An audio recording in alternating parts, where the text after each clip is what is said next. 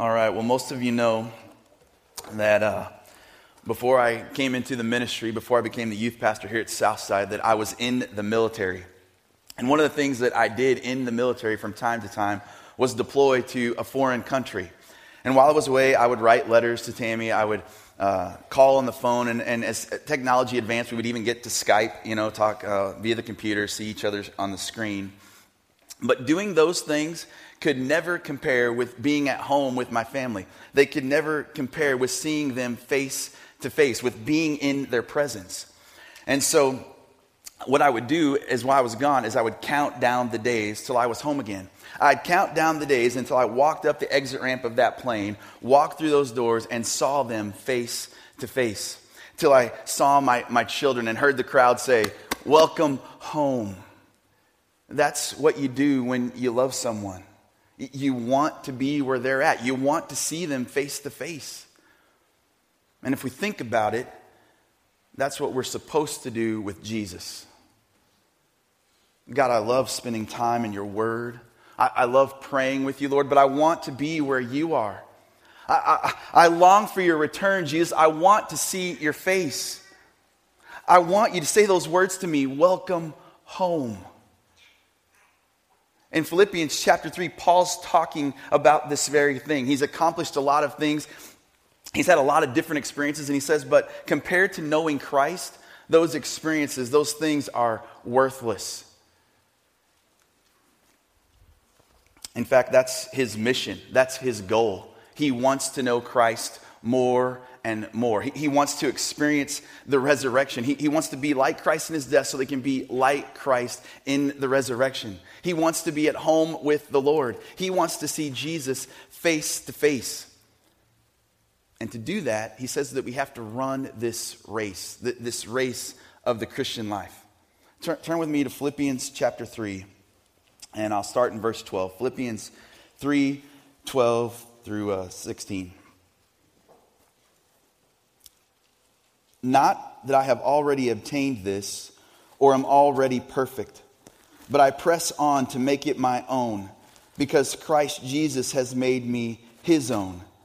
Brothers, I do not consider that I have made it my own, but one thing I do. Forgetting what lies behind and straining forward to what lies ahead.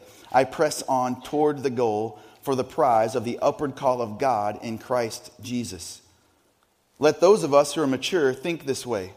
And if in anything you think otherwise, God will reveal that also to you.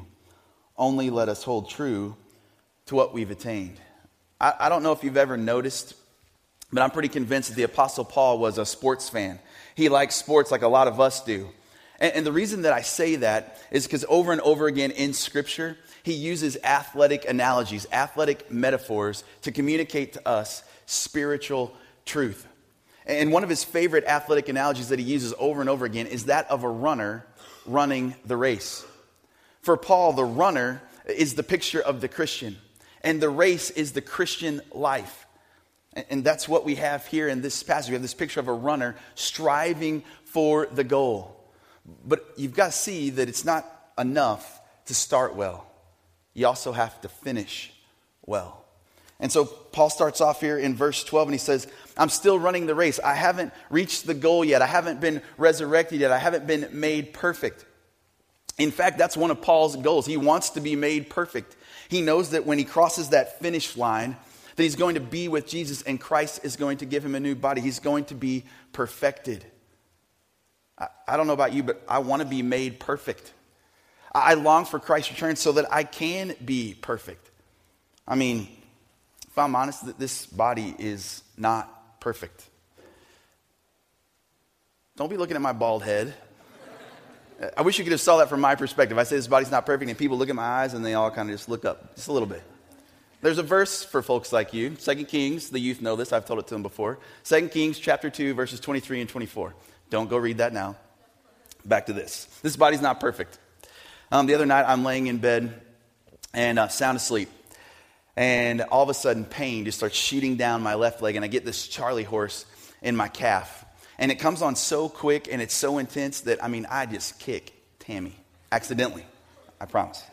It, it, it was an accident. But at that point, we're both hurting. I mean, I'm hurting because I have a Charlie horse. She's hurting because I've kicked her. This body is not perfect.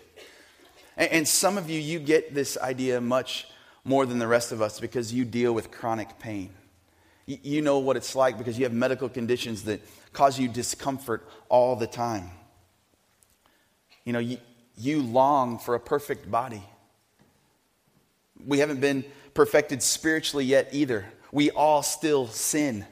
We, we have shortcomings, we have inadequacies, we have failures. We haven't been glorified yet. Paul was not perfect, and, and neither are we, but, but Paul didn't let his imperfections discourage him. Paul's imperfections, they, gave him hope.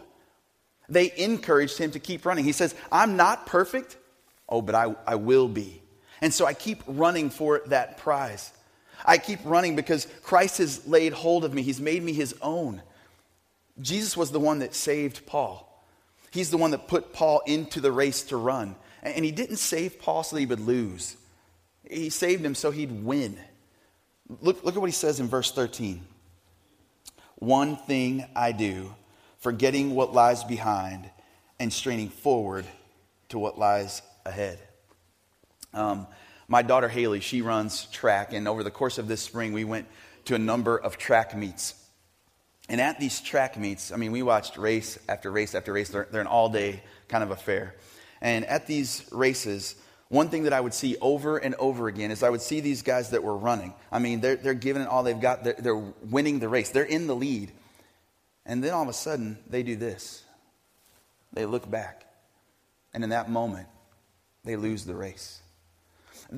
They slow down just enough because they looked back that the competition passes them and they lose the race. That's the picture that Paul's giving us here in this passage of the Christian life. He says, One thing I do, I don't look back. And, and, he's not making a distinction here between good things or bad things. It could be past failures, past struggles, or even past achievements. But he says, I don't look back because those things are in the past. I, I, I have to keep my eyes focused on the goal. And, and looking back is kind of even bigger than that. Because the moment that you enter the Christian life, the moment that you place your faith in Jesus and you start this race, looking back, if all that this world offers, it's back there. You don't need that stuff anymore. And Paul says, don't look at that stuff. You don't need anything that this, world's, this world offers. So keep your eyes on the prize. Keep straining forward. Don't look back. In uh, Luke um, chapter 9, Jesus is giving some instruction, and he says a very similar thing, and he talks to these um, people about not looking back. Listen, listen to what he says. As they were going along the road, someone said to him, I will follow you wherever you go. And Jesus said to him, Foxes have holes, and birds of the air have nests, but the Son of Man has nowhere to lay his head. To another he said, Follow me. But he said, Lord, let me first go and bury my father. And Jesus said to him, Leave the dead to bury their own dead. But as for you, go and proclaim the kingdom of God.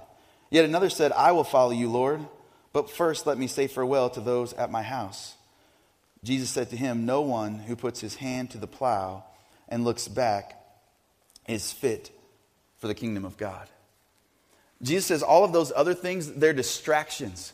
If you want to follow me, if you want to follow the Lord, then you have to keep your eyes on the goal. He says, if you put your hands to the plow, if you start this task, if you start running the race of the Christian life and you look back, he says, Jesus says, you're not fit for the kingdom. That's a harsh statement. And I don't like it much because there are a lot of things on this, in this world that have nothing to do with the kingdom that I like to do. A lot of areas that I like to spend my time and money on a lot of hobbies that I do that, that take me away from my duties as a husband and as a father. And Paul says, I, I can't do that. I can't look back at those things because I know that the moment that I look back, I'm going to lose the race. I have to keep running towards the prize. I have to keep thinking of that moment when I'm going to see Jesus. If you look back, whether it's at a failure or an achievement, I can promise you that you will be disappointed. Because those things don't satisfy you. You have to keep striving for the goal. at, at Haley's track meets, not only would I see guys that were running the race look back and, and lose the race, I would see these guys that were in the lead winning the race, and then with just a few yards left to go, they would slow down. And the competition would pass them and they would lose. And I saw this over and over again. I would see these people that had run like two or three laps. They've they're only got like 30 yards left. I mean, they're in the home stretch. They've got the race won. They can see the prize. It's right there in front of them. And they all of a sudden you just see them just fade and they have they just they just quit. And I don't know if it's because they were fatigued, if they had muscle aches and pains, but for whatever reason, the goal that was in front of them seemed to be worth it. It stopped being worth it for them.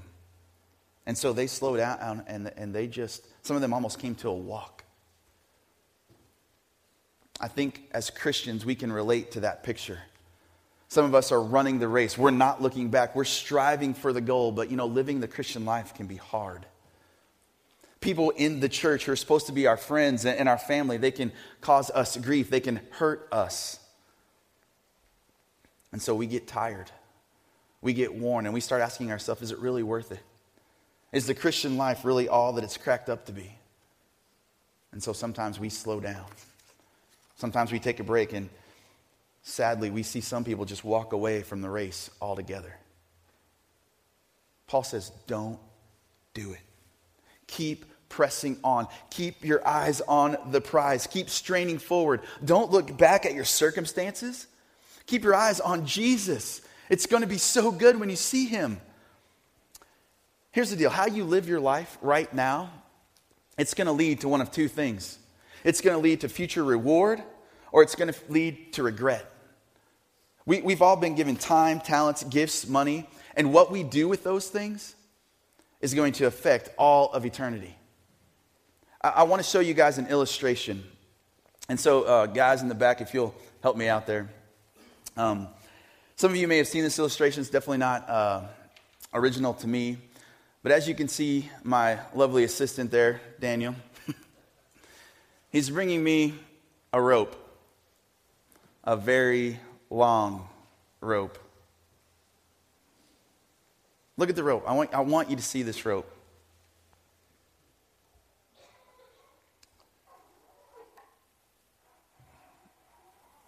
Just keep it, pull some for me there.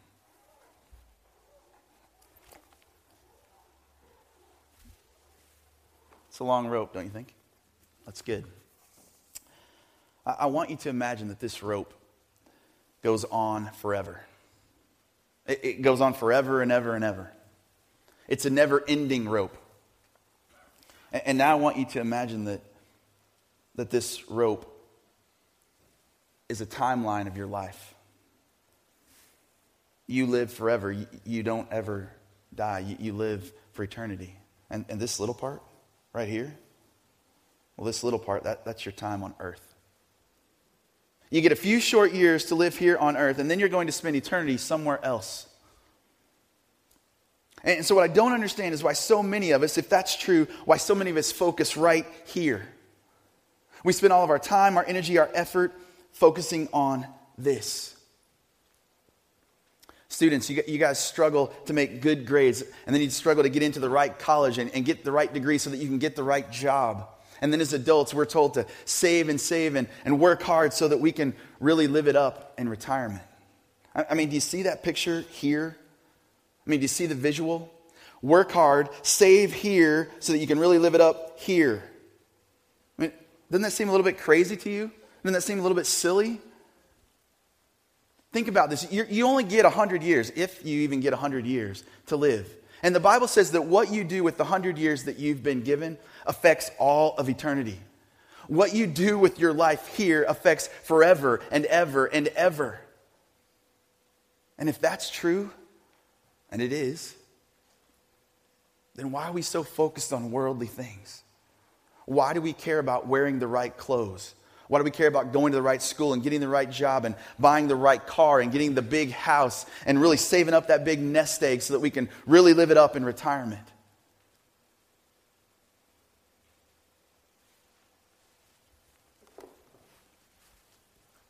Don't get me wrong. You need to hear me on this. I'm not saying that those things in and of themselves are bad. because most of, for the most part, they're not bad, they're good. But if you live a life focused on those things, apart from living out the Christian life, if, if that's your focus and not living for Christ, well, then you miss the goal. You lose the race. Think about it. Saving or li- living your life, working hard so that you can get this great degree, saving up your money so that you can really live it up in retirement, that's missing the goal.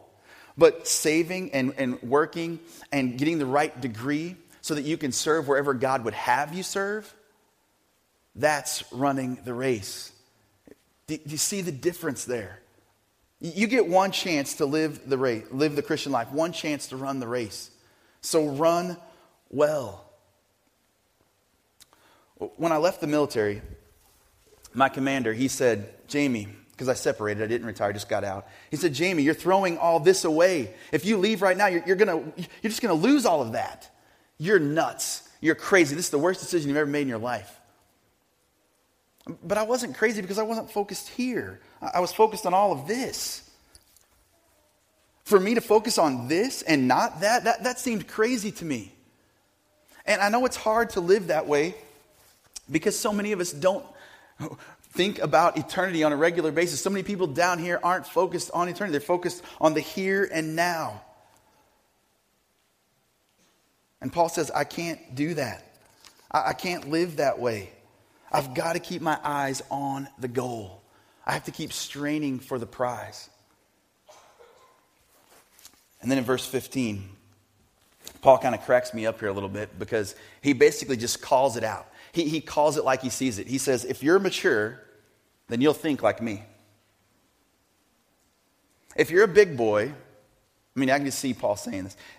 If you're a big boy, then you'll realize that what I'm telling you is not some fairy tale, but it's the truth. So think like me. But if you're immature, if you're not a grown up yet, that's okay. Because one day God is going to grow you up. And then you'll see that what I was telling you was the truth. I, just kind of cracks me up a little bit the way he says that. And then he says, But for now, in the meantime, keep running. Hold true to what we have attained. He says, You keep running the race. If someone beside you, if they look back, you keep running. If someone beside you over here, if they slow down and they give it up, you keep running. Even if someone were to be in the lane, turn around and run away from the prize and run the wrong direction, Paul says you hold true. You stay the course. You keep running. And then he says, run like me. Look at what he says in verse 17. And I'll read from 17 through the end of the chapter here. Brothers, join in imitating me and keep your eyes on those who walk according to the example that you have in us. For many of whom I have often told you and now tell you, even with tears, walk as enemies of the cross of Christ. Their end is destruction, their God is their belly, and they glory in their shame, with mind set on earthly things. But our citizenship is in heaven, and from it we await a Savior, the Lord Jesus Christ, who will transform our lowly body to be like his glorious body by the power that enables him even to subject all things to himself. Therefore, my brothers, whom I love and long for, my joy and crown, stand firm thus in the Lord, my beloved. In verse 17, Paul says a statement that's incredibly bold. He says, You imitate me, follow me, follow my example.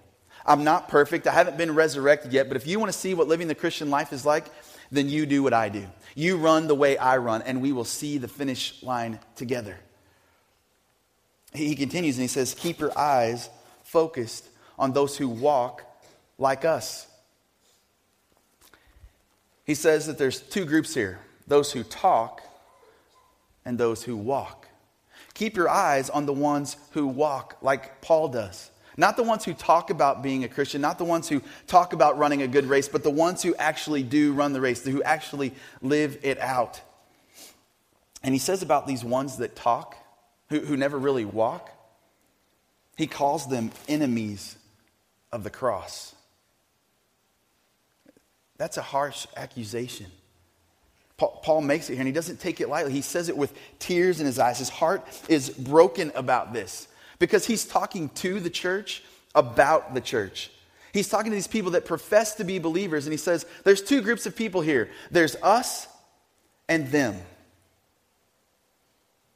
They talk, but we walk. Whatever you do, don't follow them. Don't go down the road that they're on because that path that they're on, it leads to destruction. If you go down that road, you're going to lose the race. You're not going to be satisfied because those people aren't true followers of Jesus. James says it like this He says, faith without works is dead. If your idea of Christianity is a bunch of talk, if it's just showing up on a Sunday morning and sitting in a chair, Paul says you might want to reconsider. Because those who worship in spirit and truth bear fruit. There's evidence of their faith by how they run this race. And he says of these two people, he says you either walk with Christ or you walk as an enemy against Christ. And he says about these enemies of Christ, he says that their God is their belly. They glory in shameful things because they're focused on worldly things. What does Paul mean by their God is their belly? Well, he's not talking about their physical stomach, but he is talking about their appetites, those things that they crave, those things that they want, the things that they desire. And what they want is possessions. They want popularity, they want the praise of men. It, it could really be almost anything, but the focus is always right here, right now. Truth is, they're their own God. Their minds are set on worldly things. And Paul says, because of that, they're enemies of the cross. I, don't want any of us to be enemies of the cross this morning. I want us all to run. Paul says, but that's not who we are. In verse 20, he says, Our citizenship is in heaven. And from heaven, we await a Savior, Jesus Christ, who's going to transform us. He's going to give us the gift of a perfect body. Guys, that's the goal. It's getting a new body. It's being with Jesus. It's more than just the gift of a new body, it's the giver of gifts. We get to be with the one that we love. We get to spend forever in the presence of Jesus Christ. I mean, do you see the goal that you're running for? When I was deployed, uh, to a war zone. Wasn't hard for me to look around at my surroundings, to hear the sounds of the alarms going off, to feel the percussion of the, uh, the mortars and the rockets exploding. It wasn't hard in those moments for me to look around and say to myself, This place is not my home. I mean, I don't belong here. The only reason I'm here is because I'm in service to the government and they've given me a job to do. But I doubt very seriously this morning that when you woke up back here in Abilene, Texas, even me, I, I doubt seriously that when we all woke up this morning that we rolled out of bed and thought to ourselves, this place is not my home. I don't belong here. The only reason I'm here is because I'm in service to the king and he's given me a job to do. Church, we have to see this world as temporary. We can't afford to get comfortable here. We can't think of this place as our home. We have to keep focused on the one that we love. When you're deployed, there's plenty of military guys in here, they can tell you it's not fun. It, it, it's difficult, it's rough, it's painful, it hurts. But that moment that, that you see your family again, that you're reunited with them, when you see your, your, your children run to you and wrap their arms around you, when the crowd cheers and says, Welcome home, in that moment, well, then you forget about the struggle. Everything that was difficult fades away because you're home. You're in the presence of the one you love. That moment, it's so good. It's incredible. Living the Christian life, running the race, it can be hard. It can be difficult. But if we'll keep our eyes on the goal, the reward that we're going to receive is going to be so good. We're not home yet. We haven't crossed that finish line and passed from this life to the next. But when that day comes, we're going to be with Jesus face to face. We're going to be with the one that we love. And heaven is going to cheer, not for us, but for what Christ has done for us. And we're going to hear him say, Welcome home. Paul closes out this, this passage in chapter 4, verse 1. He says, Therefore, my brothers, whom I love, stand firm. He says, The reason that I'm telling you this is because I love you, because I care about you.